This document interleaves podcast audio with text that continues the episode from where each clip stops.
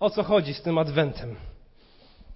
Jest taki tekst w Piśmie Świętym, który jest bardzo często czytany właśnie w tym czasie e, nazywanym Adwentem. Nazywa się on Zwiastowaniem Pańskim i chciałbym przeczytać go, omówić i tych najbliższych kilka, kilkanaście minut zgłębić razem z Wami. O co chodzi z tym Adwentem i na kogo my czekamy. Będzie wyświetlony również tutaj na obu projektorach fragment z Ewangelii Łukasza, pierwszego rozdziału. Będę czytał od wersetu 26. Natomiast w szóstym miesiącu Bóg posłał anioła Gabriela do galilejskiego miasta Nazaret, do pewnej dziewczyny, przyrzeczonej niejakiemu Józefowi, potomkowi rodu Dawida. Miała ona na imię Maria i była dziewicą. Po przybyciu anioł powiedział: Witaj, obdarzona łaską. Pan z tobą, szczęśliwa jesteś między kobietami. Lecz ona przelękła się tych słów i zaczęła, zaczęła się zastanawiać, co by to przywitanie mogło znaczyć. Znany tekst, prawda? Z pewnością, kiedy go e, czytałem, kiedyście go widzieli, być może komuś przed oczami stanął jakiś obraz, których narysowano, namalowano wiele, gdzie młoda dziewczyna siedzi w domu, czymś się zajmuje, przed nią staje wysoki mężczyzna w białej szacie, tak zazwyczaj ukazuje się aniołów. I czytamy o tym, że jest ona przyrzeczona albo poślubiona pewnemu Józefowi. Czy zastanawialiście się kiedyś, co to znaczy? Co to za, za ślubiny? Ślub w kulturze żydowskiej, ówczesnej, dzisiaj zresztą bardzo podobnie, miał dwa etapy. Pierwszym z nich były właśnie zaręczyny albo zaślubiny, gdzie dwoje młodych ludzi, kobieta i mężczyzna, ślubowali sobie, że będą małżeństwem.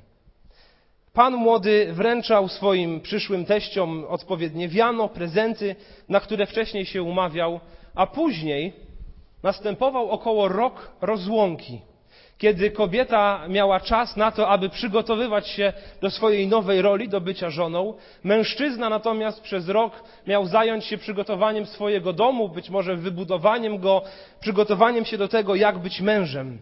I ten e, czas oczekiwania trwał właśnie rok po to, aby również sprawdzić, czy ta kobieta nie jest na przykład w ciąży, czy kiedy stanie po raz drugi po roku na czymś, co nazwalibyśmy ślubnym kobiercem i już na zawsze złączy się ze swoim mężem, czy będzie wtedy panną.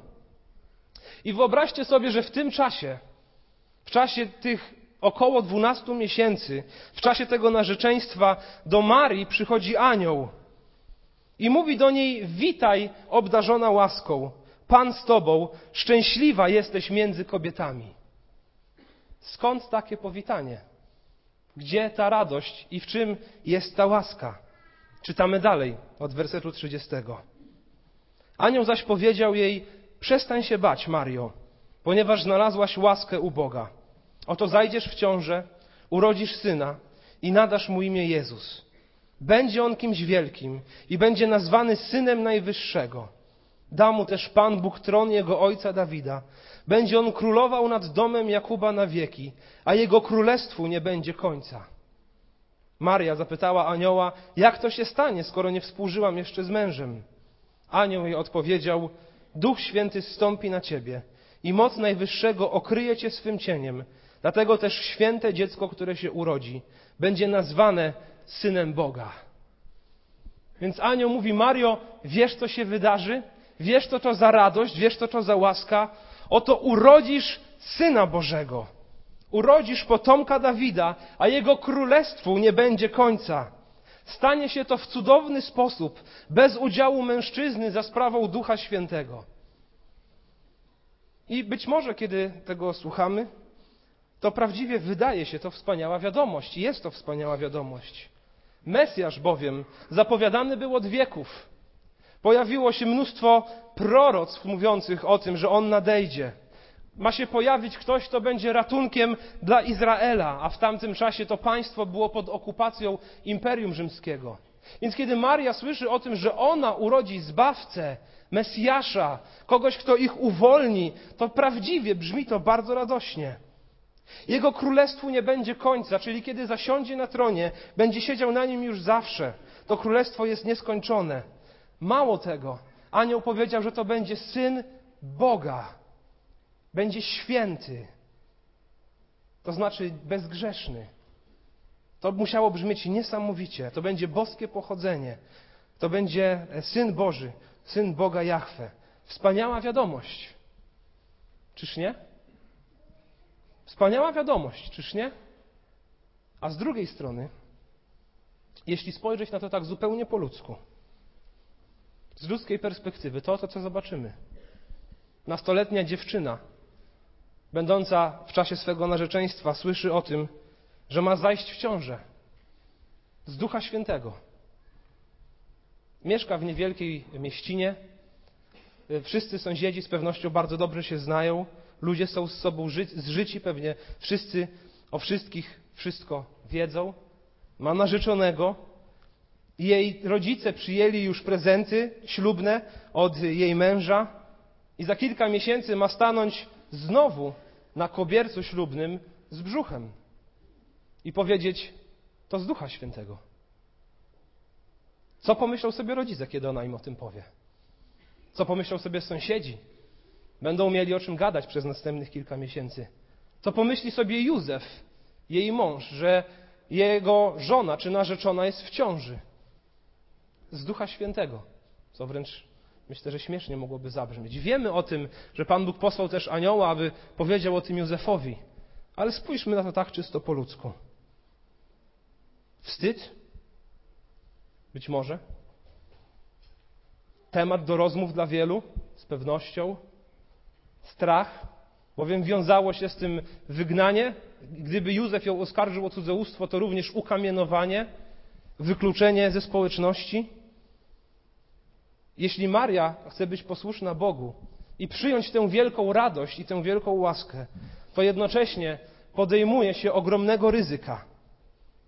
Po jednej stronie mamy więc mnóstwo radości związanej z urodzeniem Mesjasza, z urodzeniem Syna Bożego, z, bycie, z byciem obdarzonym łaską. Z drugiej zaś strony mamy groźbę śmierci, wykluczenia, wyśmiania i totalnej straty wszelkiego szacunku u ludzi. Co czytamy dalej? Wersety 36 i 37. Anioł mówi: Również twoja krewna Elżbieta poczęła syna, i to w podeszłym wieku. Ta, którą uważano za niepłodną, jest już w szóstym miesiącu, gdyż żadne słowo Boga nie zostanie bez spełnienia.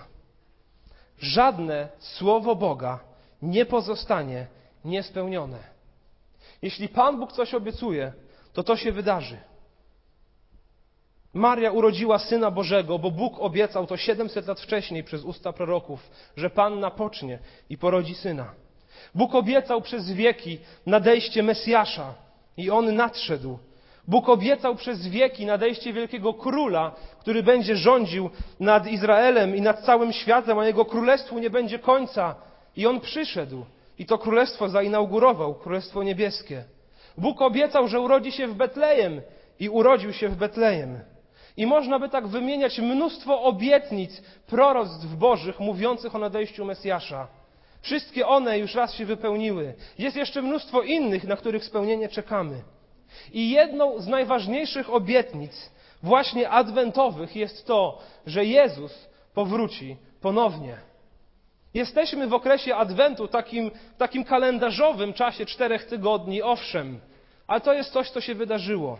Ale jesteśmy też w okresie Adwentu, bo Pismo Święte mówi, że Jezus Chrystus z pewnością powróci po raz kolejny.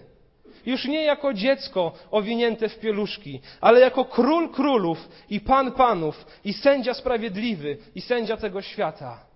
I to jest pewne, dlatego że żadne słowo Boga nie zostanie niespełnione.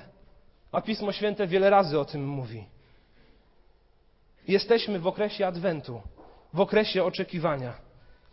Kiedy Chrystus przyjdzie z powrotem drugi raz na ten świat, dla wielu to będzie wielka radość. Bowiem powróci ich król, któremu byli poddani. Powróci ich król, któremu służyli całym swoim życiem. Powróci ich król, dla którego porzucali swój grzech.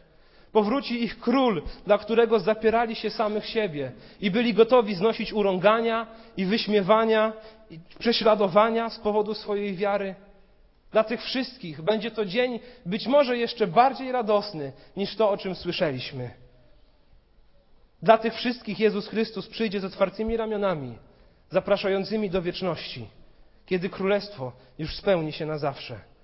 I człowiek, który za nim szedł, spędzi wieczność z nim na wieki. Ale są też inni ludzie, którzy przechodzą obok Chrystusa obojętnie. Dla których święta Bożego Narodzenia to jest akurat moment, kiedy można się wybrać do kościoła raz albo dwa razy w roku. Jest to moment, kiedy akurat można sobie obejrzeć ulubiony film w telewizji. Jest to moment, kiedy akurat kilka dni będzie trochę wolnego. Jest ten Chrystus, o którym tak wiele niby słyszymy w naszym narodzie, to kiedy wyjdziemy na ulicę, on jest tam w zasadzie nieobecny. Oni też staną przed Chrystusem. I będzie to dla nich dzień straszny, bowiem, jak mówi Pismo Święte, spędzą swoją wieczność tam, gdzie robak nie umiera, a ogień nie gaśnie. A on powróci, bo Pismo Święte powiedziało, że on powróci, a żadne Słowo Boże nie zostanie niespełnione. Chcę się zwrócić do Ciebie, który tutaj, która tutaj siedzisz. Co wtedy stanie się z Tobą? Jak Chrystus powita Ciebie? Wiecie, jak Maria odpowiedziała na to wszystko, co usłyszała od anioła? Werset 38. Maria odpowiedziała: Oto jestem, gotowa służyć Panu. Niech mi się stanie według Twego słowa. I anioł odszedł od, od niej. Oto jestem, gotowa służyć Panu. Przeliczyła być może bardzo szybko ten koszt, jaki ma do poniesienia, i tę radość, która może ją spotkać dzięki posłuszeństwu Bogu. I chociaż koszt był wielki, z pewnością był wielki dla niej, to mówi: Oto jestem gotowa. Chcę służyć Panu, niech mi się stanie wedle słowa Twego. A jak Ty odpowiedziałeś, albo jak Ty odpowiesz Bogu. Gdyby przyszedł do Ciebie dzisiaj anioł i powiedział Ci tak: Bóg wzywa Ciebie do tego, byś poszedł za nim. Będzie to dla Ciebie wielka radość. Nada to sens Twojemu życiu. Da Ci poczucie bezpieczeństwa w codzienności, wieczną nagrodę w niebie. Ale to wszystko też będzie wiązało się z dużym kosztem. Musisz zaprzeć się samego siebie. Może musisz porzucić wiele swoich planów i ambicji. Być może będzie się to wiązało z tym, że Twoja rodzina albo Twoi przyjaciele Ciebie wyśmieją, bo kto by dzisiaj szedł za jakimś Jezusem, nawet nie wiadomo, czy to prawda, jak już dzisiaj słyszeliśmy w przedstawieniu. Świat, nasz kraj, chociaż mieni się chrześcijaństwem, z dala biegnie od Chrystusa. Co Ty byś mu odpowiedział?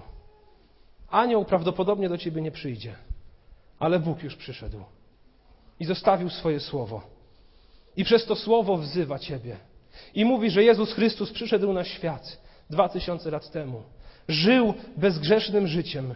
Umarł na krzyżu Golgoty i zmartwychwstał i wstąpił do nieba. I każdy, kto w Niego uwierzy, to znaczy, to znaczy wyzna Mu swoje grzechy, odwróci się od swoich porządliwości i pójdzie za Nim i wiernie będzie szedł przez całe swoje życie, będzie zbawiony. Do tego wzywa nas Słowo Boże. Ale wiąże się to często z wielkim kosztem, o którym już mówiłem. Co ty mu odpowiesz?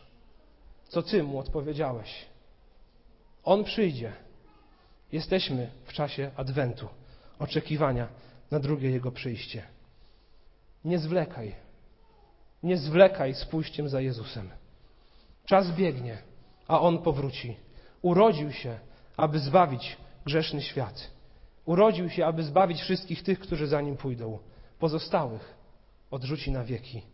I ktoś może powiedzieć bardzo pesymistyczne kazanie na święta Bożego Narodzenia. Myślę, że bardzo radosne kazanie. Prawdziwie obiecujące to, co mówi Słowo Boże, że jest życie wieczne i wieczność z Chrystusem, ale musi być też prawdziwe, aby powiedzieć, że jest życie wieczne z dala od Boga.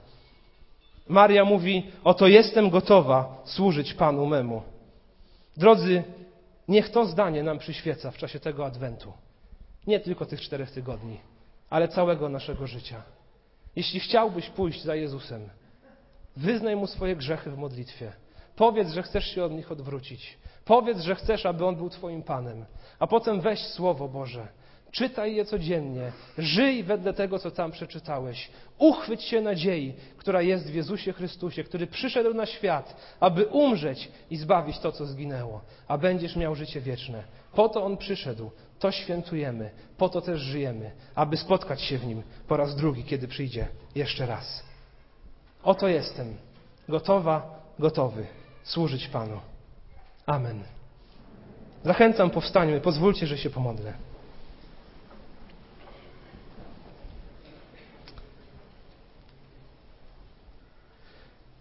Panie nasz i Boże, jakże wielka radość przyszła na świat. Boże, to Ty przyszedłeś na ten świat. Urodziłeś się jako małe dziecko w Betlejem dwa tysiące lat temu. Żyłeś bezgrzesznym życiem. Umarłeś na krzyżu Golgoty, ukrzyżowany przez swoje stworzenie. Ale śmierć Cię nie pokonała i zmartwychwstałeś. I żyjesz na wieki. I siedzisz dzisiaj po prawicy Ojca swego w niebie. Panie nasz Boże, dziękujemy Tobie za to, że przyszedłeś do nas, że w Jezusie Chrystusie mogliśmy jako ludzkość zobaczyć blask Twojej chwały. Dziękuję Tobie, Panie, za Twoje słowo, które nam o tym mówi. Dziękuję Tobie za to, że od dwóch tysięcy lat ta wiadomość przemienia ludzkie życia. Ojcze, i daje prawdziwą radość, i prawdziwy pokój, i prawdziwe poczucie bezpieczeństwa. Panie, i modlę się o to, aby wszystkie te osoby, które dzisiaj tutaj się zgromadziły, aby były tymi osobami, które zechcą pójść za Tobą, które powiedzą: Oto jestem gotowy, gotowa służyć Panu, niech mi się stanie wedle Twego słowa. Panie, złam nasze grzeszne i butne serca, tak bardzo zakochane w sobie, w prezentach, w przyjemnościach, w kilku dniach wolnego, myślące tak bardzo o tym, co ludzkie, a nie o tym, co boskie. Panie, niech ten czas, w którym teraz jesteśmy, będzie czasem wyjątkowego zbliżenia się do Ciebie i pozostania przy Tobie już na zawsze. Czekamy, Boże, na Twoje drugie przyjście. Dla jednych będzie to dzień piękny, dla innych będzie to dzień straszny. Proszę Ciebie o każdą osobę, która jest w tym miejscu. Ojcze, poruszaj jej serce, pociągaj ku sobie. Prowadź do wieczności. Prowadź nas, Panie. Chcemy być Tobie wierni. Amen.